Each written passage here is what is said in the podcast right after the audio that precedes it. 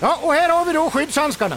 Varför finns det så många modeller att välja mellan? Ja, du vet, Tegera Pro ska ju passa exakt för varje jobb och därför finns det så många olika. Och glöm inte att rätt skyddshandske gör halva jobbet. Okej, då tar jag två. Tegera Pro, skyddshandskar för yrkesproffs. Just nu får du extra hjälp att välja i butik.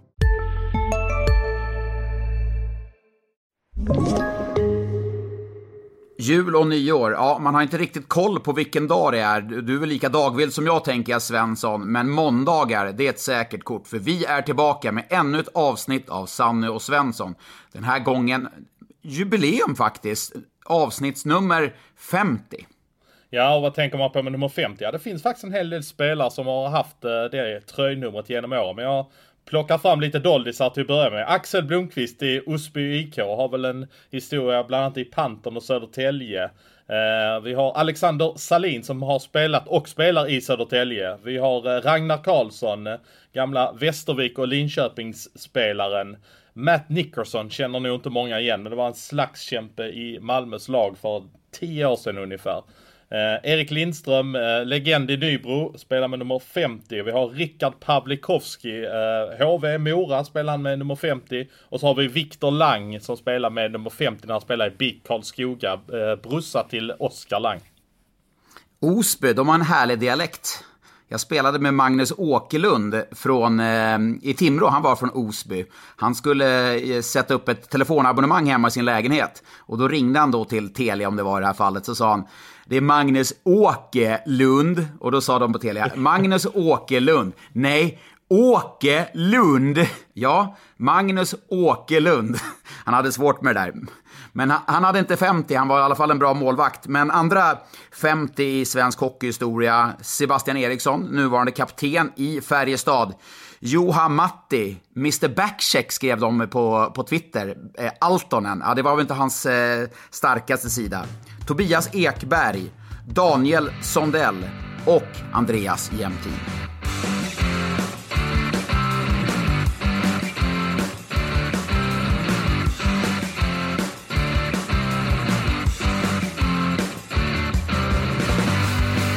Juniorkronorna förlorade mot Finland i lördags och därmed är JVM ett avslutat kapitel. Är, jag får känslan Johan att du är ingen sån här JVM-nörd som sitter liksom så här och brinner jättemycket för den turneringen. Nej men jag ser matcherna, det gör jag. Det gör jag. Men jag håller men det... ganska låg profil om det i alla fall. Ja, det, det hedrar ju dig för att jag har gjort JVM på plats tre gånger och eh, journalister, alltså det, det, är många som tappar fattningen i det här med junior-VM. De tappar ju allt, journalistisk, moralisk kompass. Står och gör high five med spelarna i gången och pratar om att de bygger om... Eh, det är liksom... Det har ju fått en sån enorm hype den här turneringen. Ja, det, bör, det börjar ju i eh, Pardubice tror jag de spelade i där eh, 2007 skulle jag säga. Eller kanske året innan Leksand-Mora där började väl den här JVM-hypen skulle jag säga. Sen nådde väl någonstans sin peak 2012 och sen när de vann och så var det UFA där året efter var de i final och så var det Malmö-turneringen 2014. Sen tycker jag ändå inte att det har nått upp där riktigt i den hypen. Eh, jag tyckte att det, det verkligen var eh, i topp då och då var det väldigt bra årgångar. Det var 94 som hade sin 90, sista 93. säsong. Ja, precis. 93, 92, 93, 94 var ju riktigt bra års, årgång. Men jag, jag fick ingen riktig känsla för det här laget.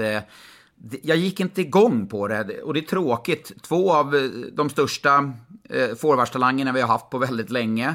Och ändå, ändå liksom, jag brann inte. Det, liksom, det sög inte till i magen i år. Nej, men har inte det lite grann med att göra att luften gick ur lite grann när Karl Henriksson och William Eklund försvann? Nu var ju inte de hela laget, men... Jo, men ändå när, när turneringen är igång så brukar man ändå vara så här, fan JVM, det är liksom, nu ställer vi klockorna. Och jag, nej, jag har inte gått igång på det i år. Och jag var, jag var inte jätteförvånad när de förlorade mot Finland heller, för jag tycker inte att Sverige har, tycker inte Sverige har speciellt så jäkla bra lag heller. Nej, jag skulle säga det att när de, eh, när de torskade den där match, första matchen i gruppspelet eh, mot Ryssland så, eh, så kände jag bara... Ah, var du vaken var då? Var du, vak var du vaken då?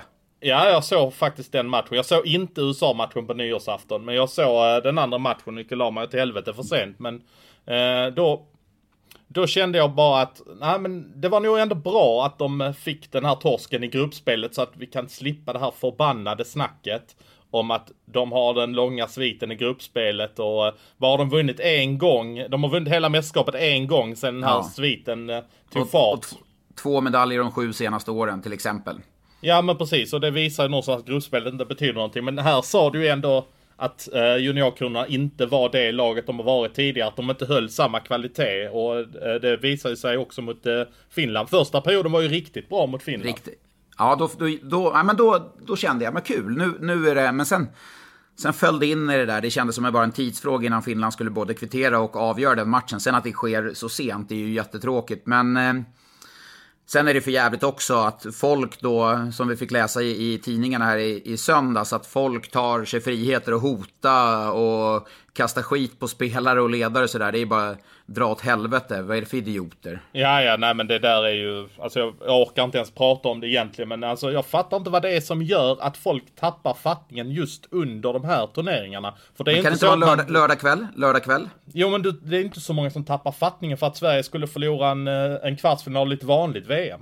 Nej, men det är någonting med juniorhockey som jag sa. Folk, folk tappar allting och det, det är respekterade journalister har gjort det också som, som, som tappar allting. Men du, vi lämnar JVM. Eh, JVM-bubblan får ju i alla fall eh, de svenska spelarna lämna nu. De flyger, flög hem, om jag förstått det rätt, Hans Abrahamsson och Aftonbladet eh, skrev att de skulle lämna i eh, söndags, igår.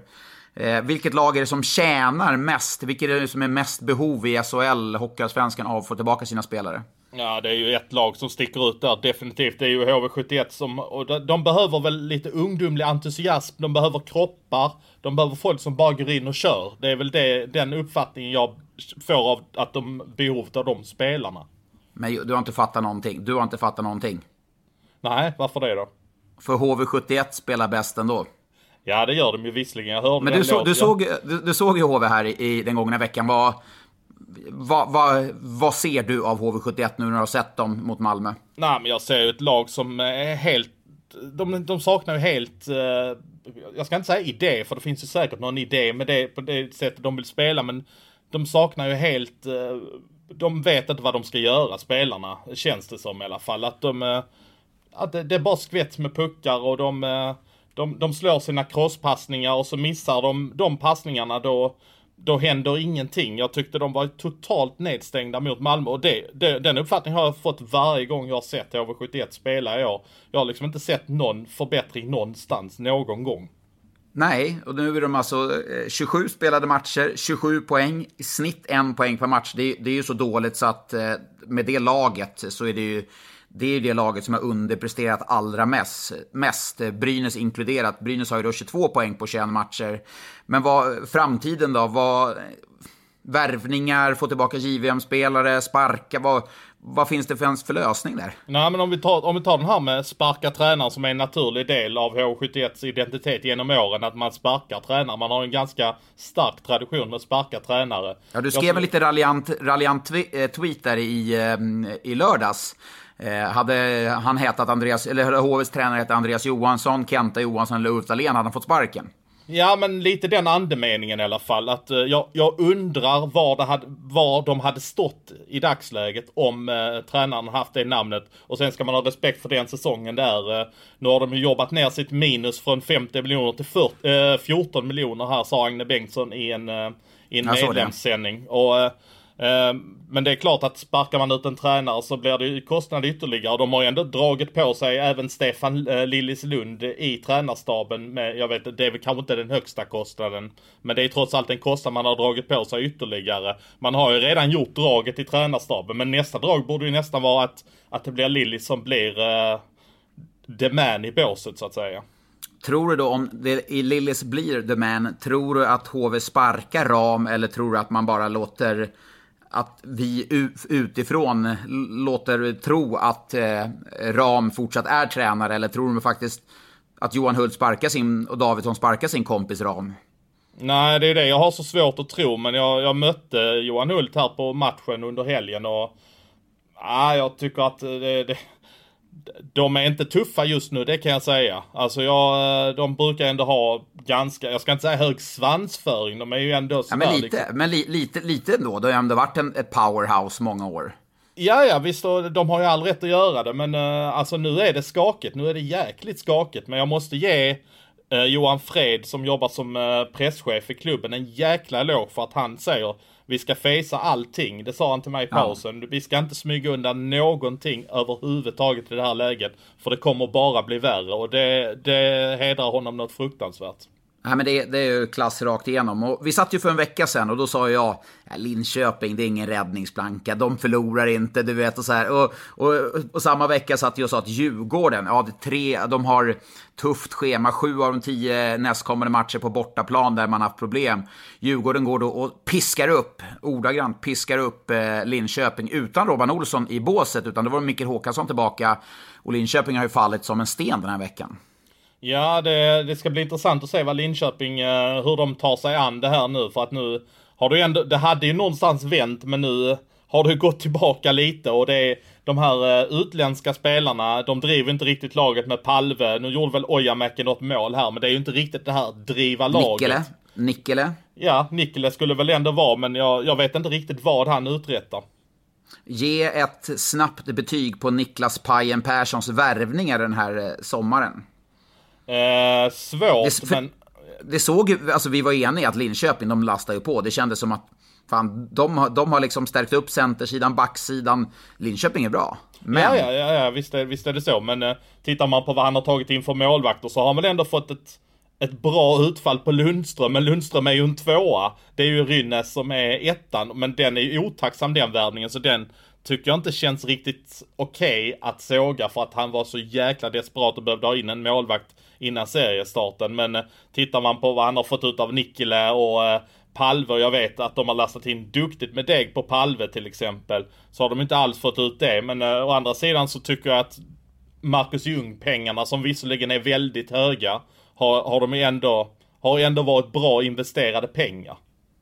Men du, du fan, jag har aldrig sett dig så avslappnad och laid back som du sitter nu. Det är underbart att se. Ja. Du sitter ju, du sitter ju faktiskt på ett hotellrum i Linköping och eh, nu ska du jobba med den matchen då, Malmö mot Linköping.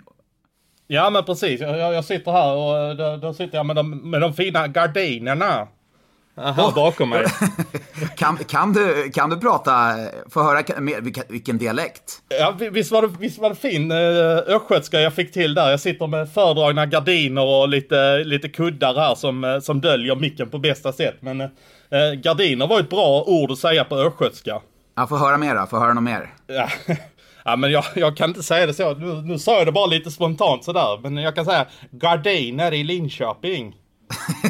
att, är, att du, du är vass där alltså. Det är, ja, det, det är bra, det är bra. Men du, du har rätt, din arbetssituation nu eftersom du, du följer ju Malmö som, som alla vet. Det är ju mycket matcher som du har. Du, du var Gävle, du, Jönköping, Linköping. Det är liksom, det är måste vinna matcher för, för, för Brynäs då när du såg den. Eh, HV, Linköping för Malmö för den delen. Brynäs, är de på gång? Eh, jag tyckte ju att de var på gång av det jag såg av dem eh, här i veckan eh, när de slog Malmö. Men då ska man ju säga det att Malmö var ju väldigt sega efter starten. De har ju strukturerat om rätt mycket i sitt lag och fått in några ganska sega jänkare tycker jag som inte har spelat hockey sedan i mars så man får ju ha lite respekt för det också. Men då tyckte jag ändå Brynäs kom ut och körde som satan i den matchen. Eh, men, eh, och sen vann de ju mot Färjestad borta på det, men sen gjorde de väl en tveksam insats mot Leksand hemma när Leksand vann skotten totalt överlägset och jag såg leksingar som kallade Brynäs för det absolut sämsta laget de har mött den här säsongen. Så det är ju, det kan ju bli rätt mycket upp och ner. Jag älskar den ödmjukheten, du vet, när det är den rivaliteten som finns så ska man verkligen så här strö salt i såren. Att det, det är liksom det sämsta laget vi har sett. Det, det, det, det är ändå, det tillhör supportskapet. ja, ja, men Alltså det är ju, det är klart att man vill strö i dem, det saltet och det, det är ju ovanligt för läxingar att få göra det på Brynäsare. Jag menar... Ja, men det är de fan värda. Det är de, det är de värda. Alltså allvarligt. Ja, ja, alltså med tanke på allt skit som Leksand har gått igenom i 20 år och så uh, får de ligga en, uh, vad, vad, kan de ligga före Brynäs i tabellen? Det är väl nästan 20 poäng eller någonting. Men det, en sak som jag reagerade på när jag, när jag såg eh, Brynäs mot Malmö, glädjen. Såg du när Brynäs gjorde mål? Mm, alltså, Anton, det var, det var... Anton Rödin, såg du hans ja, men, uh, face? Ja, facet, fighting, alltså det, det var på riktigt. Ja. Jag, jag varit nästan smittad. Jag satt framför tvn och kollat. Oj, oj, oj, kände jag. När du sa smittad och Brynäs så tänkte jag på något helt annat.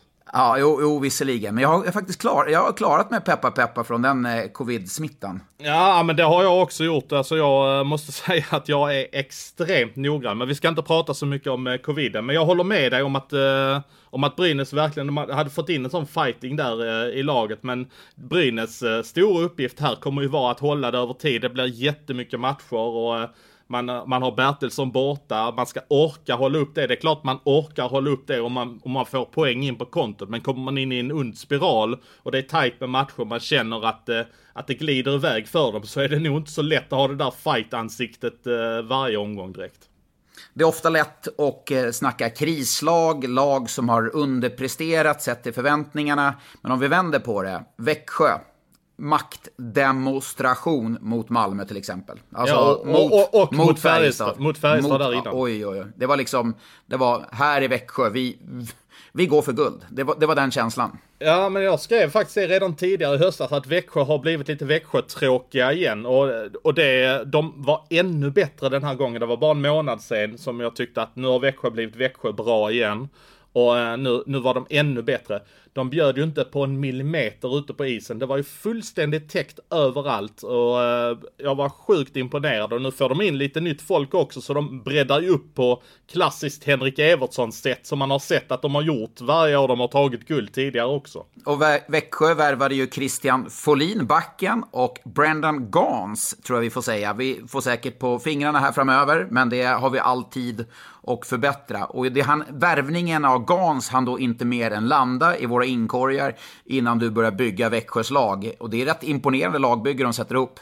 Ja, det får man säga. De har ju en eh, kedja som verkligen fungerar där med Drury och eh, Pettersson och Kalof eh, som man fick ihop. Sen har det varit komplementet till Robban och Gynge där som de jag tror i alla fall att de ska sätta in Gans där. Och sen har du ju med eh, Pontus Holmberg, Marcus Sylvegård och eh, Fredrik Karlström. Och sen har du en fjärde där eh, Josen får leda laget. Och så får det väl bli Martin Lundberg och Ludvig Nilsson på varsin kant där. Och så kan man väl tänka sig att Emil Forslund blir trettonde forward, vilket då tyvärr innebär att Viktor Stjernborg åker längre ner i laget och är utanför. Och en som åker länge ännu längre ner i laget är ju Jakob Forsbacka Karlsson och då fick jag en fråga från Johan Spåls. Vad händer med JFK i Växjö? Ja, alltså vi har väl varit på och nuddat vi honom tidigare, men nu eh, hamnar han ju verkligen i en jättejobbig situation och jag, jag tror ju att han är nummer 14, nummer 15. Om de, nu har de eh, bevisligen rankat Stjernborg före honom och J20-serien pågår ju inte så att eh, de har ingenstans att spela Stjernborg om de inte spelar honom i A-laget. Så att, eh, jag tror att eh, han kommer inte, det blir fortsatt frysbox för honom eh, om inte han hittar någonting annat Då, då det känns som att han kanske behöver göra någon form av uppoffring eh, eh, lönemässigt och eh, helt enkelt eh, ge med sig och eh, säga jag struntar i halva lönen för att få spela någon annanstans och var någon annanstans är det vet inte jag om han ska spela i eh, Modo eller om han ska spela i Tyskland eller var det nu är. Ja, jag hör också Växjö där att det det, det knorras lite. Det är klart att spelare vill ju, spelarna vill ju ha så bra lag som möjligt för att få vinna. Men, och såklart när man värvar det till en billig peng. Men det är fortfarande så att Växjöspelarna har varit, eller kanske till och med är permitterade, har gått ner i lön. Och då, visst att de här toppspelarna kanske säger ja men det, det är kul, men de här som hamnar längre och längre ner i laget får mindre och mindre istid. Men de har ju faktiskt indirekt betalat för den här um, värvningen som man gör. Ja, alltså du, du tänker på sådana som typ Martin Lundberg som eh, bevisligen tjänar 100 000 i månaden efter att han fick en bot här under veckan. Ja, typ Martin Lundberg, typ Jakob Forsbacka Karlsson, eh, Forslund, eh, Nilsson. Ja, Josefsson är ju alltid fjärde center och är kanske den bästa fjärde center, men du är med på vad jag menar? Ja, ja, men visst jag förstår det, och, men det blir ju en väldigt knivig situation och eh, man får ju någonstans lita på att de har tagit dialogen med spelarna. Jag känner mig nästan lite less på all sån här diskussion, men jag förstår att den ska förekomma och, och jag förstår ju de spelarna som som blir trötta på det. Men å andra sidan kan man ju vända på det. Om inte Henrik Evertsson hade plockat in en spelare och det hade blivit lite skador och man hade hållit på att överbelasta en massa spelare. Vad, vad hade de tänkt då? Äh, äh men vi, vi tycker vi spelar för mycket eller vad, vad, vad är grejen då? Nej, men abs absolut. Men är det här inte lite klassisk eh, Henrik Evertsson-värvningar? Känns det inte som att ett bra lag spetsas till och får en då eventuell raketutväxling här i slut, slutskedet av säsongen. Ja, alltså verkligen. De, eh, jag skulle säga att det, det, raketen är redan högt uppe i luften så det finns inte mycket mer eh, raket att ta av det utan jag tycker de samlar ju poängen på löpande band här i Växjö. Nu blev det ju förvisso bara en poäng mot Djurgården men men eh, nej, ja, de, eh, de kommer fortsätta flyga om man säger så tror jag. Men eh, nu pratar vi ju forwards här, men även på backsidan så kommer det ju naturligtvis hända grejer här nu när Folin träder in i laget. Du har ju en spelare som inte spelar speciellt mycket eller spelar alls överhuvudtaget och det är ju ändå Linus Nässén och där hör jag ju att eh, där är flera allsvenska lag som redan innan de värvade Folin hade blivit erbjudna honom. Jag vet att bland annat lag som Södertälje, Modo, Västerås, Västervik har också fått erbjudande om att, eh, att plocka in Linus eh, Nässén resten av säsongen. Så att det, det är klart en sån spelare hamnar ju lite i kläm men man kan ju se det som att för Nässén som ändå var bra i Modo tyckte jag när han klev in där i slutet av förra säsongen att att det kan vara viktigt för han. Han har väl ett utgående avtal så det ligger i hans intresse att spela mycket hockey också.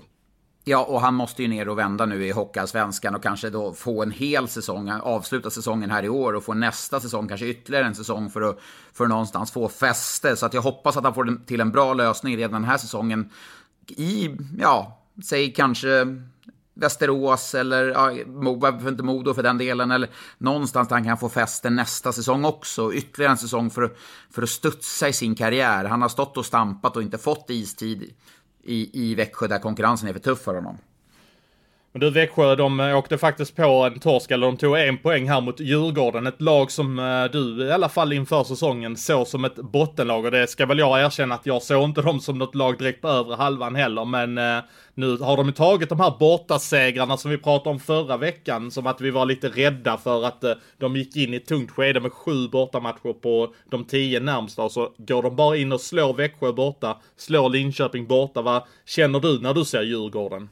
Eh, imponerad. Eh, tycker att eh, om vi delar upp det i två delar. Nummer ett så har man ännu inte förlängt med Robert Olsson. och jag tycker att Robert Olsson får ut väldigt mycket av sitt lag i stort sett varje år. det var väl en fyra, fyra år sedan tror jag jag tippade Djurgården 12 eller något sånt i tabellen och de kom tvåa. Det säger vi kanske lite mer om mig än, än Djurgården i det fallet. Men jag tycker Robert Olsson gör väldigt mycket bra. Han får ut mycket av laget. Han har ett stort förtroendekapital från laget. Han är en smart taktiker. Att Djurgården i det här läget inte har förlängt hans kontrakt. Jag, om jag hade varit Djurgården hade jag varit skitorolig för att han kanske väljer att sticka till schweiziska ligan till exempel. Eh, och om Djurgården inte har för avsikt att förlänga honom så hade jag varit ännu mer orolig. Eh, definitivt. Eh, han, han gör det väldigt bra. Jag skulle kunna till och med säga att han till och med kanske är årets tränare så här långt i SHL. För just det han får ut av det materialet då syftar du till när du vill utse honom till ja. årets tränare?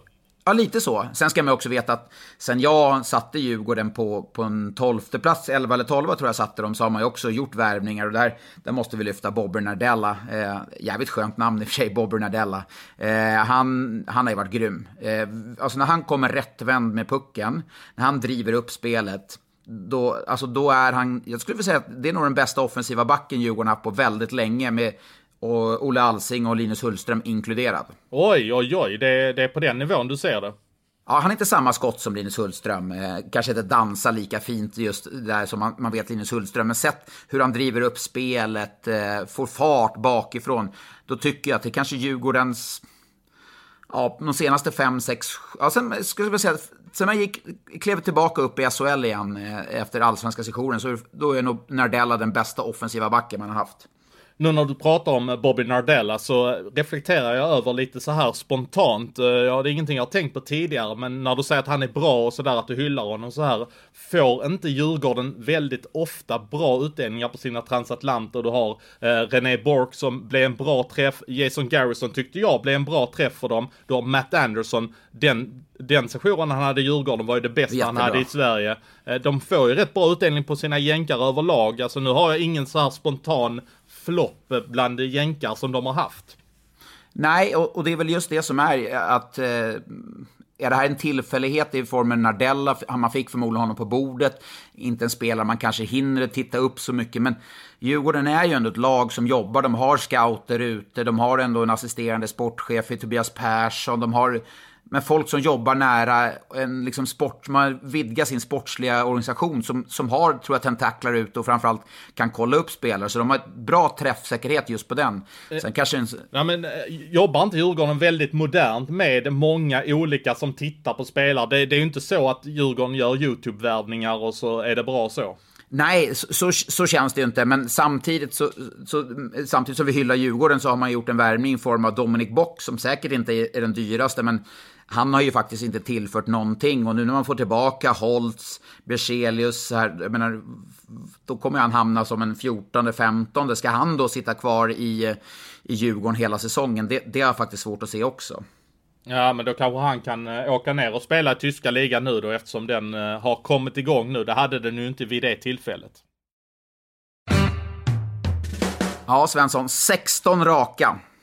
Trodde du det när vi satt och poddade för en 5, 6, 7 veckor sedan när vi sa, sa att Oskarshamn, de hade stabiliteten. Ja, men, äh, de kanske inte kommer hålla sig i toppen. Men nej, det är ingen räddningsplanka. Nu är de alltså uppe i 16 raka förluster efter eh, igår när man fick förlora mot eh, Frölunda med 5-2. Ja, det är alltså 30,77 procent av en serie som de har förlorat i en rak följd. Alltså, det är helt man, sjukt. Det är helt sjukt. Alltså ska det ens få hända? Nu har det ju hänt, men alltså det är ju, det är ju bedrövligt att det ens ska få ske, tycker jag i alla fall. Ja, och var ska man börja? Var ska man... Nu har man gjort några värvningar, men fortfarande man ger bort för billiga mål. Jag vet inte... Pontus Nässén där som var med i landslaget början av säsongen, han, han måste ju få spela på sitt sätt. Men hur många mål ska han få ge bort? Eller gratischanser för att liksom sätta sitt lag i skiten helt enkelt. Det, någonstans måste det få, få, få, konsekvenser. Nu handlar det ju bara om att vinna en jävla hockeymatch, ursäkta mitt språk, med 1-0. Förstår du jag menar?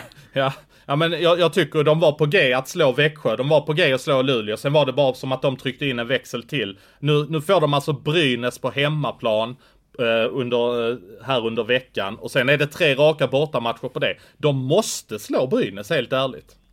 Ja, ja det är, alltså, tabellen är ju den, där den är. Det, liksom, det är ju en kritisk match, men då hade de ju i början av säsongen då de, då de verkligen fullkomligt körde över Brynäs och det kändes som att Martin Felander, han, han, han hade läst Peter Anderssons spelsystem i alla fall. Så det kanske, det är en positiv eh, aspekt man kan bygga vidare från kanske. Ja, och nu gjorde ju Rickard Palmberg mål i powerplay. Jag måste bara lägga in en tweet som jag eh, såg att Johan Gyllensten är. Jag tror inte många ute i landet känner till den här Johan Gyllensten, men han har en jäkla förmåga att fiska upp grejer. Det är en riktig nörd, eh, så att jag vill hylla honom lite extra. En riktig sköning. Han skrev så här, Rickard Palmberg i Oskarshamn. Han har spelat 23 matcher, han har gjort 21 poäng och det har blivit 22 förluster. Han har varit med om en seger under sin tid i Oskarshamn.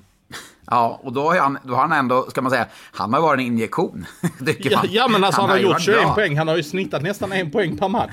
Ja, det, det, det är ju faktiskt helt, det är helt sjukt. Eh, eh, Palmberg-effekten, eh, det trodde man inte att man skulle prata om i negativ bemärkelse. Han har faktiskt varit bra, Rickard Palmberg. Och sen eh, får man säga det att Oskarshamn vet du ungefär när den här förlusten, eh, förlusttrenden började. Den började faktiskt eh, i samband med att de plockade ut de 50 fansen från hallen. Ja, oj. Där är, det var, vi, och där var det drag. Det, ja, det var ju en av hallarna där, där det kändes att, att det var fans på plats ju. Tror du nu, nu får man ju ha åtta va, i arenorna. Ska de inte lyfta in de här åtta mest galna, han med trumman där som, som stod i 3x20 och bara körde. In med han och få han välja ut sina sju bästa polare. Ja, jag tycker definitivt. Har du också valt att bli egen? Då är det viktigt att skaffa en bra företagsförsäkring. Hos oss är alla småföretag stora och inga frågor för små. Swedeas företagsförsäkring är anpassad för mindre företag och täcker även sånt som din hemförsäkring inte täcker. Gå in på swedea.se företag och jämför själv. Hej, Synoptik här. Visste du att solens UV-strålar kan vara skadliga och åldra dina ögon i förtid? Kom in till oss så hjälper vi dig att hitta rätt solglasögon som skyddar dina ögon. Välkommen till Synoptik in med trumman och så in med Per Sandberg som jag vet är en riktig jävla entusiast. Han ska in och sen eh, sex man till förutom det och så är det bara att köra så kommer de slå Brynäs. Så att eh, kravet är helt enkelt öppna dörrarna Martin Åkerberg. Ja, idag har vi tre matcher. Det är alltså eh, Linköping mot Malmö, Växjö, återigen mot Djurgården och HV71 mot Leksand. Där Djurgårdens Dick Axelsson avstängt tre matcher och när vi skickar ut frågan på Twitter var det många som ställde som var kritiska till den avstängningen, slowfoot, eh, huruvida han skulle bestraffas hårdare för han var återfallsförbrytare. Men tre matchers avstängning, förvånad där Johan? Uh, nej, alltså är han återfallsförbrytare på det där? Han har väl inte blivit dömd för slowfoot tidigare va? Nej, utan det är väl den gången han skrek i spelargången. Eh, ja, och man är, man är väl inte återfallsförbrytare mer än när det är samma typ av förseelse va? I, I domen stod det att han var återfallsförbrytare. Att han, han tidigare, tidigare från, om det var den 5 oktober eller någonting. Så att det var i alla fall, de refererade till att, att han var återfallsförbrytare och därför fick han två matcher plus ytterligare en match. Okej, okay, okej. Okay. Ja, alltså när jag, tänk, när jag ser det så här spontant så tycker jag inte det är en klockren slowfood. Nej, visst, visst är det inte det. Jag, alltså jag, jag trodde inte ens att den skulle bli anmäld. Jag tänkte att ja, men den borde domarna ha sett, men jag har Nej, jag har sett andra slowfoot som nästan har, gått igenom det där silen och inte anmälts. Jag har för mig att sen, sen det gick en, en eh, väldig inflation i det här med slowfoot, att de skulle ta varenda slowfoot, så tog de väl någon form av omtag i det där, med, med betoning på omtag, att du måste ta om spelaren med din hand och verkligen svepa med ditt ben, så att säga. Och jag, jag tycker Ty han är ju på med, han är på med armen, men jag tycker inte han gör den här riktigt svepande rörelsen med sitt ben. Nej, och där har, har ju Martin Lundberg i, också i Växjö fick ju två matcher och där tyckte jag det var mer än tydlig. Nu var inte Martin eh, Lundberg återfallsförbrytare på det sättet och därför fick han två matcher. Men det är ju ett, ett rejält avbräck för Djurgården såklart, för Dick Axelsson har varit väldigt bra. Men på tisdag, på tisdag, känn på den här matchen. Rögle mot Luleå. Ja, Chris då, the Sosa, han är tillbaka i Rögle. Då, Micke får skrika i, i spiken i Ängelholm. ja, jag kan tänka mig att du ser fram emot den matchen verkligen. Men uh, han kommer ju få säga namnet eftersom Chris de Sosa gör mål precis hela tiden. Då eh, Marcus Mattsson är min kollega på Simor. Han sköter statistik och är grafiker. Han är ett levande uppslagsverk och i synnerhet gällande Luleå De Sousa hade gjort mål i sex raka matcher och sist det hände i Luleås herrlag var 1990 när LG Pettersson gjorde det. Så gör han mål på tisdag, De Sousa, nödlösningen som folk nästan hånade och skrattade åt när han plockades in, så är han rekord ensam rekordinnehavare i Luleå Hockeys stolta historia. Känn på den. Ja, då ska tröjan upp i taket. Ja, De Sousa ska upp där. Han ska upp där. Ja, det blir perfekt för då slipper någon spela med så högt tröjnummer också i framtiden. Om Skuggan och Engman sitter och lyssnar på det här då, hur många år ska de erbjuda De Sousa? Ska, är det liksom, pratar vi ett femårskontrakt? Ja, det tycker jag. När är han född, De Sousa? Han är, han är ju inte jätteung, men han är, han är ju ung och fräsch i sinnet och kroppen naturligtvis. Men eh, men eh, nej, men ett femårskontrakt är väl ändå rimligt. Och jag vet ju att i alla fall Engman lyssnar på podden. Han brukar ha synpunkter när vi har haft något eh, felsteg. Så att, men nu har vi ju ett rättsteg här får man ju säga när vi, när vi säger, kräver att han ska, eller du kräver att De Sosa ska få ett femårskontrakt. Han är född 1990 eh, så att han, har, han är fortfarande ung och eh, utvecklingsbar. Och det, det, det roliga det här, det var ju att man bytte ju nästan De Sosa mot Noah Gunler och du sa väl ungefär att det var några ören plus minus, det var i stort sett jämnt. Men de har ju fått lite mer bang for the buck eh, för The Sosa som vi älskar här i podden. Ja, det har de verkligen fått. Eh, det, han har levererat oväntat bra för att, eh, för att komma in. Men han spelar han får ju spela i en bra roll med Linus Klasen och sådär i den kedjan. Så att det, det är ju inte konstigt egentligen att han levererar. Kan vi bara en gång för alla lägga ner det här snacket om att Linus Klasen är en flopp? Jag har läst, jag har sett, jag har hört många har sagt att ah, han har inte gjort tillräckligt mycket poäng hit och dit. Han har gjort 22 poäng på 24 matcher. Ja, alltså... Alltså, det... ja, men allvarligt. I Luleå, med all respekt, som kanske inte har ett, den offensiva spelidén på samma sätt som kanske eh, Rögle har, eh, så tycker jag det är jäkligt starkt. Det, det, det är över min förväntan. Ja, det, det, jag tror, alltså det, det ljuger du inte när du säger så, för jag tror till och med du har haft det uppe här i podden att eh, att man eh, kanske inte ska förvänta sig mer än 30-35 poäng på Linus Klasen. Och just nu håller han ju ett tempo som gör att han kommer landa på en bra bit över 40 poäng. Ett lag som fortsätter att tugga på här i SHL, förlorade visserligen eh, mot Rögle med 4-0 i eh, lördags, det är ju Örebro. Och hur är livet efter Mattias Bromé för Örebro? Ja, det kan man fråga sig. De förlorade mot både Skellefteå och de förlorade mot Rögle borta. Och sen vann ju en hemmamatch däremellan mot Linköping. Så att eh, än så länge har ju livet utan eh, Mattias Bromé ändå inneburit en poäng per match. Men det är klart att Örebro kommer nog tugga på där uppe och vara ett lag som i alla fall tampas kring topp 6-strecket kan vi väl anta. Men Henrik Widstrand frågar här, kommer Örebro ta in en ersättare för Bromé och i så fall när?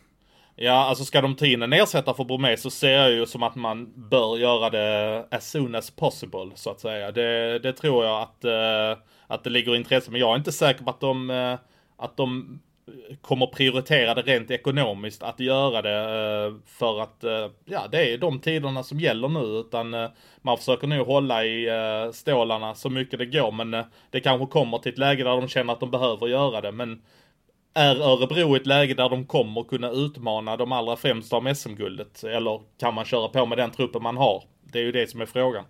Om vi bara ser sportsligt, eh, är inte Örebro en ganska stor coronaförlorare? Man tänker att Örebro var rejält medvind. Man tappade Bromé. Eh, skulle, alltså, hade det varit normala tider så hade man ersatt Bromé med en i stort sett likvärdig spelare. Och eh, det känns ju som att Örebro har verkligen någonstans som byggde någonting. Och nu har man ju såklart som många andra fått dra i handbromsen. Men det, lite i skymundan så känns det som att de är en ganska stor förlorare på så sätt. Hänger du med vad jag menar i mitt resonemang? Ja, men alltså de hade ju satsat med Emil Larsson och Robin Kovac och signat upp Robin Salo inför denna säsongen också. Eh, tagit in Enrot och hade fått rätt bra flyt i grejerna. Det var, du skulle få den utväxlingen på Musito Bagenda, på Glenn Gustafsson, Gustav Backström, alla de här skulle ju komma, alla skulle komma under samma säsong. Så att det, det, det är klart att, eh, att de, de har ju jobbat väldigt många år med att rensa gamla synder, skulle jag säga. Gamla ekonomiska synder. Och äntligen skulle det vara det här året då de skulle få ta ett steg där Niklas Johansson skulle få leka ordentligt med sin plånbok och värva ihop ett riktigt bra lag och så kommer detta. Så att det, jag håller med dig om att Örebro är en stor coronaförlorare. Vilka vinner SM-guld först av Färjestad, Djurgården, Örebro eller Luleå? Det gör Luleå. I år redan? Eh, oh, den är tuff. Nej, ja, jo det kan de ju göra. Det, det kommer ju förmodligen, alltså man svänger ju varenda vecka. Men eh, om vi talar den här veckan. Det värsta, det värsta, är att det finns på band. Liksom, det går ju att spola tillbaka hur vi säger nej Oskarshamn, det är lugnt, Linköping och så sitter man där och så, så vänder man kappan efter vinden nästa ja, vecka. Jo, men man är ju kappvändare utan dess lika. Men ja, alltså Luleå har definitivt chansen att göra det redan i år, det tror jag. Eh, de eh, de har haft, eh, de har fått lite käftsmällar under säsongen. Jag tror det kan ha varit nyttigt att man har fått den här 5-0 käftsmällen mot Rögle så att eh, alla vet vad det innebär. De har gjort lite rotation i laget där De Sousa har kommit in till exempel. Eh, där Gunnar vad hette han? Fått... Vad hette han? Nej, ja, det, du säger det bättre än vad jag gör. Men de har ju liksom haft sin sin ruljans i laget. Jag tror det kommer att bli ganska lugnt i truppen. De har fått in Lysell som visserligen tillhör juniorlaget, men jag tror inte det kommer hända så mycket. Det kommer inte bli oroligt i truppen eh, mer den här säsongen, utan eh, man kör på med det man har och så kan man kanske få tillbaka Peter Emanuelsson lagom till slutspelet. Surströmmingsderbyt som Christer Jonasson skulle ha sagt på Radiosporten. Modo mot Timrå igår söndag. Returmatch, back to back. Eh, idag är de i Timrå ikväll. Såg du matchen? Vad fick du för känsla? Och Modo seger, vad kan den betyda? Ja, den kommer nog betyda mycket, framförallt den här segern eftersom Modo har en riktig skitvecka bakom sig. De var direkt genomusla mot både Tingsryd och eh, Västervik. Så att, eh, att de får en seger mot, eh, mot Timrå, eh, en rival där uppe på Norrlandskusten i surströmmingsmeckat. Eh, och att man, eh, att man får känna att man kan. Man släpper inte in speciellt mycket mål, släpper bara ett mål i matchen. Och ehm, ja, att man får vinna, man får samla på sig tre poäng och börja 2021 eh, på ett väldigt bra sätt. Eh, många som har åsikter, tankar eh, kring Modo. Amelia Hagström, Oskar Sandberg och Marcus Edvidsson, de frågar egentligen i samma, ja, samma tankar har de. Vad ska Modo göra för att vända skutan? Vad är det för generalfel i Modo? Vad är det för fel i Modo som förening? Och ser man matchen isolerat mot Timrå igår så tror jag det är där Modo måste göra. Fy satan vad de jobbade. Jag menar, Timrå vann skotten med 42-21. Men så hårt som Modo jobbar i den matchen, det måste man fatta att man ska göra varje match. Jag tycker man har ett gäng glidare som glider runt och Modo som förening har dålig självbild och tycker att man är bättre än vad man är och man pratar fortfarande om topp 6. Jag har varit inne på det tidigare. Det är, alltså, det är att undvika kval. Och ska man undvika kval så måste man jobba som man gjorde mot Timrå igår. Då kan man inte åka och vara lite skön mot Almtuna eller Västervik och tycka att vi gör si och så. Man måste inse att man är ett bottenlag och jobba därifrån. Jag, sk jag skulle säga så här, jag håller inte med dig om att, eh, att und jo, undvika kval, kval ska de göra, men det kommer de göra för att varken Väsby eller Kristianstad kommer ha skuggan av en chans att uh, hinna ifatt Modo. De har alldeles för dåligt poängtempo båda två, så att uh, det, jag ger inte mycket för det. Jag tror snarare att Modos målsättning ska vara att ta topp 10, att man kommer med till det där slutspelet. Man kan få vara med och jävlas lite. Man kanske vinner en play-in mot, eh, säg Almtuna eller någonting. Givetvis inte genom att vara sköna. Men eh, att man vinner ett play-in och sen kanske börjar jävlas med Timrå i en kvartsfinal. Det tror jag att eh, det är väl fullt rimligt att Modo skulle kunna få en sån utveckling på säsongen. Jag säger inte att man kommer slå Timrå över, är det fem eller är det sju? Jag lär mig aldrig det. Men att man i alla fall kan vara med och jävlas. Jag tror att eh, kval är långt bort. Visst, det har man sagt tidigare om Modo, men jag, jag tycker ändå Väsby och Kristianstad är på en mycket lägre nivå. Men eh, jag tycker så här, jag har funderat kring Modo, vad ska man göra? Liksom, eh, Modo måste plocka in en tränare, slash ett bollplank, slash bollplank till Fredrik Glader. Någon person som har varit med i, tidigare i, i de här sammanhangen. För att Per Styve, han är säkert en jätteduktig tränare, men stå där med, som trä, huvudtränare för Modo med, med ändå de kravställningen om topp 6 förhoppningar och, och, så ung och orutinerad i sin position. Den är tuff. Eh, per Styv måste ha hjälp, han måste ha ett bollplank. Jag tror även Fredrik Glader, som definitivt inte lär sitta säkert på sin position, eh, måste in med ett namn. Alltså in med ett bollplank, tror du inte det? Hörde jag Perra Jonsson eller? Ja, varför inte? Alltså, jag kanske är inne på något mer att det skulle kunna li vara lika mycket bollplank för en sportchef som för Per Styv. Någon för alla att luta sig mot. Jag har, inget, jag, har, kan inte, jag har inte ett specifikt namn här och nu. Men jag känner att man måste hitta den tryggheten. Ja, men att hitta den tryggheten i det här skedet av säsongen, då är det väl ändå brandmannen du får ringa. Ja, det skulle kunna, ja absolut. Det, det, är ju det är på den nivån det ligger, men det kan ju också vara det kan ju vara en Anders Eldebrink som inte behöver stå på varje isträning. Alltså det, det, kan ju vara en väldigt, väldigt rutinerad pjäs som har varit med tidigare. Som kanske inte kommer lotsa Modo in i framtiden. Men kommer, som kommer lotsa, rädda någonstans och hjälpa en sån som Per Styv. Hjälpa en sån som Fredrik Glader. Det borde ju krylla av folk som är hockeykunniga där uppe i det hockeymeckat kan jag tycka. Det är väl just det som är problemet, att man kanske behöver någon lite utifrån. Eh, man, jag tror man ska vara försiktig med att plocka folk i närområdet eh, som bollplank i det, här, i det här fallet. Jag tror man måste ha någon röst, någon tanke helt utifrån som kommer med helt nya, nya fräscha ögon. Ja, Anthony Peters hade ju en bra match mot Timrå när han eh, räddade många skott och såg till att de kunde vinna trots alla Timrås skott. Och en som eh, har varit viktig för sitt lag är ju eh, Kevin Pollan i eh, Björklöven. Det var bara någon vecka sedan vi satt här och sa att eh, det är viktigt att de får tillbaka honom i spel och sen så blev den skadad direkt där efter en situation med eh, Liljendal i Almtuna. Och eh, hur ser du på den situationen egentligen?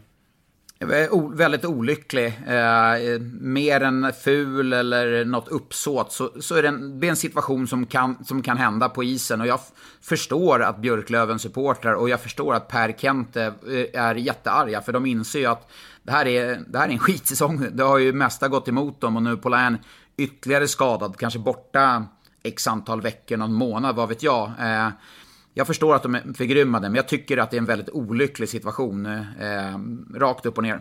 Ja, alltså det, de talar mer ur ett känslomässigt perspektiv eh, när de ser på den situationen. För där, jag ska säga att jag pratade med Kent eh, där samma kväll som detta inträffade och Och han var ju vansinnigt upprörd kan jag säga.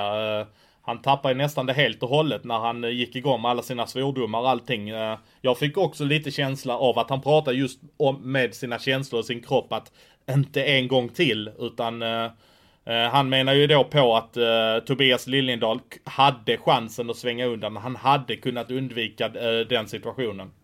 Ja, och det, det, det, är det här man kommer till att han har all tid i världen. Ja, när Polen slänger sig till att de träffar så är det liksom 7-8 hundradelar. Det är liksom, det är så, så kort tidsspann. Det är det här när vi pratade om late hit för ett gäng veckor sedan. Eh, då var det mer ett uppsåt att tackla. Här är, har ju Liljendahl i min, min uppfattning whatsoever ingen som helst tillstymmelse till att försöka tackla honom, utan det är en kollision. Det kan ske. Jag förstår att Björklöven och alla runt omkring är de är arga, eh, förbannade. Men eh, bara olyckligt, tyvärr. Tråkigt för Polän, tråkigt för Löven. Men ska en målvakt verkligen vara ute vid egen blå linje? Eh, om man måste rädda en puck, om man måste skjuta iväg en puck för att förhindra ett eget mål, varför inte? Eh, men det är ju en, det är en onödig risk man sätter sig i. Och framförallt i det här fallet när han, när han inser att oj, jag måste sätta mig, kasta mig mot ett knä för att få bort den. Då blir det ju en väldigt sårbar position.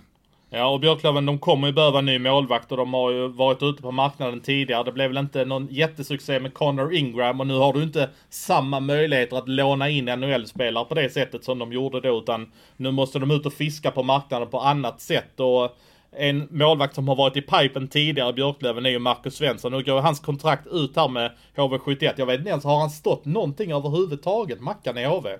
Ja, jag tror han stod en träning i alla fall.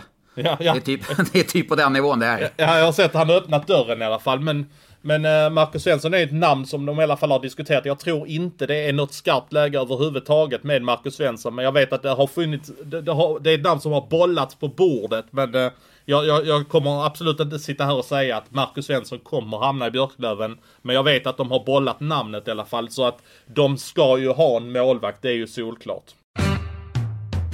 Som alltid, på söndagar skickar vi ut på Twitter att ni får gärna komma med tankar, åsikter och frågor. Och det väller in, det är alltid lika roligt. Och en som ofta är med och ställer frågor, det är Henrik Andersson. Och, eh, veckans fråga då från Henrik är, bör Färjestad kontakta HV71 om att försöka låna eller ta över Fredrik Forsbergs kontrakt med tanke på att han verkar inte få speciellt mycket speltid i HV71? Eh, spontant så eh, varför skulle de göra det? Ja, de har ju Viksten och de har Micke Lindqvist, eh, känner jag, som kan eh, stå på den positionen. Ja, nej, det, det, känner jag. Lite så känner jag också. Och tråkigt för Fredrik där som ändå har gjort, gjort en god del mål. Men Fem mot fem-spelet så har ja, HV anser att han inte är tillräckligt bra. Jag har svårt att se att han skulle gå in och göra en skillnad för Färjestad, som du säger, Linkvist, Viksten där. Sen skulle det kunna vara kanske till nästa säsong att man behöver en billig ersättare så tillvida för Mikael Lindqvist om han nu väljer att lämna. Nu lönerna går ner och Forsberg känner att han behöver bryta kontraktet för att komma någon annanstans. Det skulle kunna vara en lösning, men i år ser jag absolut ingen, ingen eh, att någon av lagen skulle ha någon eh, vinning på det. Ja, jag tar en fråga som eh, kom i mailkorgen från Andreas Östlund. Eh, han skriver så här. Um, jag har en fråga. Vad tror ni om att införa Svenska Kuppen i ishockey? Liknande upplägg som fotbollen har. Kan det vara något? Jag är osäker på om vi under något av de 49 avsnitten har bollat den här frågan tidigare. Men nu tar vi den en gång för alla så att vi vet att vi har tagit den. Vad är din spontana känsla av att uh, se Björklöven åka och möta Törreboda på bortaplan i Svenska Kuppen? Ja, nej men alltså då får man väl begränsa det kanske till att ha Hockeyettan upp till SHL då. Eh, skulle bli väldigt kostsamt tror jag om du har en Töreboda division 2 som åker upp till Björklöven eller till Umeå. Eh, nu tänker jag att det bara är en match då, det är väl inte bäst av två. Men om man skulle begränsa det till Hockeyettan, Hockeyallsvenskan och SHL. Så att, ja, jag skulle tycka det var ganska intressant ändå måste jag säga. Sen ska det där in i ett spelschema, du har CHL, du har SHL och du har respektive serie. Så jag tror att det är svårt att få in matcher, men visst hade det varit kul att se um, Huddinge mot Örebro till exempel. Ja, eller Huddinge mot Vimmerby. Då kan vi väl lova att vi kör en livepodd i Björkängshallen under Svenska Cupfinalen va? Jag tänkte, och tänk om de skulle gå till final. Det är vilken succé. hade, ja, du, hade, hade, hade, du suttit i, i, på pressläktaren då eller hade du lett klacken? Oh, jag hade nog suttit i, på pressläktaren och drack, druckit en fyra, fem starka där. Och sen andra perioden hade jag gått in i Red Tigers och stått där och sjungit eh, fram mitt kära Huddinge. Leksand är ett lag som engagerar. Eh, Leon Wennerholm, Arvid Bengtsson till exempel, med flera eh, har ställt frågan hur långt kan Leksand gå i ett slutspel i dagsläget? Frågan är om de inte kan, i alla fall, de skulle nog kunna ta sig förbi en kvartsfinal, tror jag i alla fall. Eller de får ju först och främst spela en åttondelsfinal, eh, eh, som läget ser ut nu. Men de skulle ju definitivt kunna göra en sån säsong som typ AIK eller Malmö gjorde när man tog sig förbi någon av de stora favoriterna. Har bara Cehlárik och Rivik och eh, Camper sitt perfekta stäm så kan de störa riktigt många lag. Jag ser inte det som omöjligt att Leksand till exempel kan slå ut Örebro i en kvartsfinal. Men om vi leker med att vi stänger tabellen i dagsläget så skulle Skellefteå i form av hemmaplansfördel möta Leksand i bäst av tre. Det är, väl inte, det är väl inte helt jäkla omöjligt att Leksand tar sig förbi där som du säger? Nej, men jag, jag, menar, de slog ju eh, Skellefteå borta för inte allt för länge sedan. Nej, men, eh, nej, men kvartsfinal. Eh, och det som du säger, står stjärnorna rätt och Janne Jovonen är eh, Janne Jovonen 2020, andra halvan av 2020 och inte Janne Jovonen 2021, som han var inledning mot Brynäs-matchen där, då kan de eh, säkert ta sig förbi kvartsfinal och som du säger nosa kanske på en semifinal. Eh, Tidig skriver eh, Tack för sågningen av Otto Pajanen för ett tag sedan. Han har sett kanon ut sen dess. Kedjan med Pajanen, Ashton och Berg kändes riktigt heta mot Brynäs. Ja, eh, och Pajanen har ju också fått mer istid efter att ha varit liksom petad och gör, gör det bättre utifrån sin roll. Sen ska man också säga att vi hade ju inte förväntningar på Pajanen som att göra 30 poäng, utan det sa vi ganska tidigt, hårt arbetande, men jag reagerade ganska tidigt på säsongen när man mötte Malmö, jag tror det var andra eller tredje omgången på bortaplan, och man försvarade en ledning i boxplay. Då fick inte Pajanen spela det. Då tänkte jag, det är väl därför han är i Leksand, just för den typen av spel. Eh, vi fortsätter på mer frågor till dig som eh, jag tror att många vill lyfta upp. Eh, Peter Börjesson är ju den som frågar i alla fall. Bergs tackling och skallning, hur kom han undan? Alltså då menar han ju August Berg i Leksand då. Ja, och det är ju en eh, situation där August Berg kommer från blindside på Tommy Sallinen. Är det en tackling? Är det en kollision? Ja, jag, jag såg att vår kollega Adam Johansson eh, gick i taket och tyckte att det skulle vara avstängning eller eh, anmälan. Och det, det, var många som han fick fäste på där som, som tyckte detsamma. Jag tycker den är väldigt svår. Eh, sen ska jag säga att jag har inte grottat ner mig och kollat, laddat hem den matchen så som jag brukar göra med en del situationer. Men det var, det var nog en gränsfo, gränsboll och jag vet att den diskuterades in i det längsta om den skulle upp på bordet för anmälning eller ej. Jorgan ställer en fråga här. Finns det någon plan för ett förkortat slutspel då, till exempel för att hinna med alla matcher? Ja, alltså man ska säga det att de har ju faktiskt inte lagt någon plan för slutspel utan eh, SHLs grundtanke här nu i första hand är att se till att slutföra säsongen. Att, eh, att man hittar flytet i spelschemat. Man ropar liksom inte ut när slutspelet ska börja. Det brukar man ju normalt sett i, kunna gå in och läsa i seriebestämmelserna så här års, men eh, det kan man inte göra just nu och det finns ju en anledning till det, utan man vill skapa sig eventuell space som behöver läggas på matcher efter säsongen. Brynäs har ju till exempel två hängande matcher just nu som eh, ingen vet när de ska spelas. De har en mot Örebro och en mot Leksand som, eh, som det inte finns någon plan för, så det är mycket möjligt att de kan få avsluta i mars. Sen är det också, hockey-VM har ju förskjutits framåt. Det, det, skapar ju faktiskt eh, ytterligare lite luft i schemat. Eh, att man då i SHL skulle kunna flytta in i maj. Och det, jag hade tyckt det var ganska läckert. Tänk att få en sjunde avgörande SM-final den 12 maj eller någonting. Det hade varit, liksom, då, är det ju, då är det ju vår, nästan sommar på riktigt. Ja, jag var faktiskt i Stockholm eh, 10 maj för ett par år sedan och såg cupfinalen mellan Djurgården och Malmö FF och då var det ju högsommardag den dagen. Eh, så att eh, det kan definitivt vara riktigt varmt de dagarna i maj.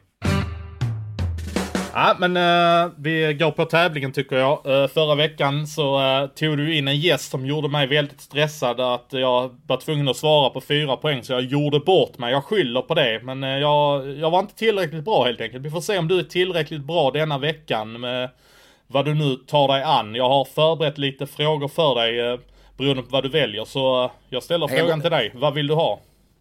Eh, jag måste ha ett säkert kort. Det är Autostrada eh, mot seger igen efter ditt misslyckande förra veckan. Och eh, historiskt är jag ju skicklig på spelare, så låt mig, låt mig få en spelare den här veckan. Då bläddrar vi i blocket här och så tar vi fram på fem poäng. Denna spelare har lirat både för Gnaget och Bayern men aldrig för Djurgården. Det är dock ingen av de klubbarna som denna forward representerar just nu. Han är född på 1980-talet, den 1 februari för att vara exakt. Han är tuff på fem poäng. Nej, det, den är inte alls tuff. Den är inte alls tuff. Jag, jag, jag vill så jättegärna chansa här redan nu. Hade han ja. spelat i AI, AIK... AIK och Bayern har han spelat för, men aldrig för Djurgården. Och han är född på 80-talet. Ja. Eh, han har ju spelat för Brynäs. Om det är den jag tänker på. Ska jag våga, alltså jag, ska jag våga chansa nu? Ja, det är klart att du ska våga chansa. Ja, jag, jag chansar. Ja, men kör det. Vi har fått ett svar. På fyra poäng. Forward sa jag. Poängstark. Den bästa säsongen i SHL hade han 2015-2016 med 44 poäng på 46 matcher. Han har dock gjort 44 poäng en gång tidigare. Så bra lär det inte vara denna säsongen då hans nuvarande poäng kommer räcka till 36,5 poäng. Uh, han kommer dock slå uh, förra säsongens skörd och är faktiskt snart där. Han har aldrig vunnit något SM-guld. Nej, det har han inte gjort. Men nu, är han ju, nu har han ju tillbaka med sin radarpartner där i sitt Ja, sin, men sluta nu. Nu tar vi, nu ska folk få vara med där hemma också. Det känns bra. Fasiken vad bra. Ja, det känns riktigt bra. Ja, du inleder, du inleder eh, 2021 med en riktig eh, hybris här nu. Men vi kör. Eh, tre poäng. Eh, allt blev bättre när eh, lekkamraten född samma år kom tillbaka. Antagligen är det så. Han gör sin andra session i, i klubben han spelar för nu. Han kom tillbaka inför denna säsongen. På två poäng. Robban betyder mycket. Han har samma nummer på ryggen eh, som den spelare jag söker är född. Eh, han spelade för Traktor Tjellebinsk eh, förra säsongen. Säger man det eller? Traktor Tjellebinsk. Ja, för två säsonger sedan spelade han där. Ja okej, okay. för två säsonger sedan. Okej. Okay. Mm. Mm. Ja. En poäng. Eh, Denna skarpskytten vid namn Rickard är Robert Roséns radarpartner. Det är två av Växjö Lakers bästa offensiva vapen. Rickard Gynge, ja det kändes bra. Jag, Hammarby och, eh, eh och AIK där. Jag satt och faktiskt och eh, läste om Rickard Gynge för inte så länge sedan. Så var jag inne på hans eh, Elite Prospects-profil. Jag, jag, tänkte inte på första februari, det, det, var ingenting jag reagerade på. Men just Hammarby, AIK, inte spela i Djurgården. Nej, den där nailade jag bra. Ja, det, det, det, var riktigt, riktigt bra uh, gjort måste jag säga att du tar det. Men man uh, kan väl aldrig lura en urstockholmare då? Nej, så är det ju faktiskt. Draftår och stockholmare, där slår du inte mig på fingrarna. Nej, det gör jag verkligen inte. Nej, riktigt grymt jobbat. Du är väl ifatt mig och förbi mig nu antar jag. Så att jag får väl ta nya tag nästa vecka och vi är ju tillbaka som vanligt då. Det, nu är det inga helger och skit emellan utan nu öser vi på. Ja, tack återigen för att ni är med oss vecka efter vecka. Och vem hade trott att Sanne och Svensson skulle vara i 50 avsnitt när vi eh, stapplade runt där våra första nervösa skär tillsammans Johan. Men nu är vi, nu är vi, nu är vi som ett gammalt strävsamt radarpar du och jag va? Ja, och nästa vecka siktar vi på Micke Hannula avsnittet. Då kör vi.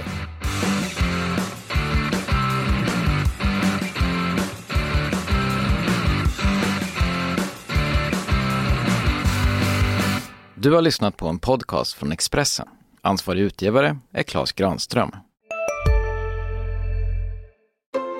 Just nu pågår vår stora season sale med fantastiska priser på möbler och inredning. Passa på att fynda till hemmets alla rum, inne som ute, senast den 6 maj. Gör dig redo för sommar. Välkommen till Mio. Upptäck hyllade XPeng G9 och P7 hos Bilia. Våra produktspecialister hjälper dig att hitta rätt modell för just dig. Boka din provkörning på bilia.se xpeng redan idag. Välkommen till Bilia, din specialist på X-peng.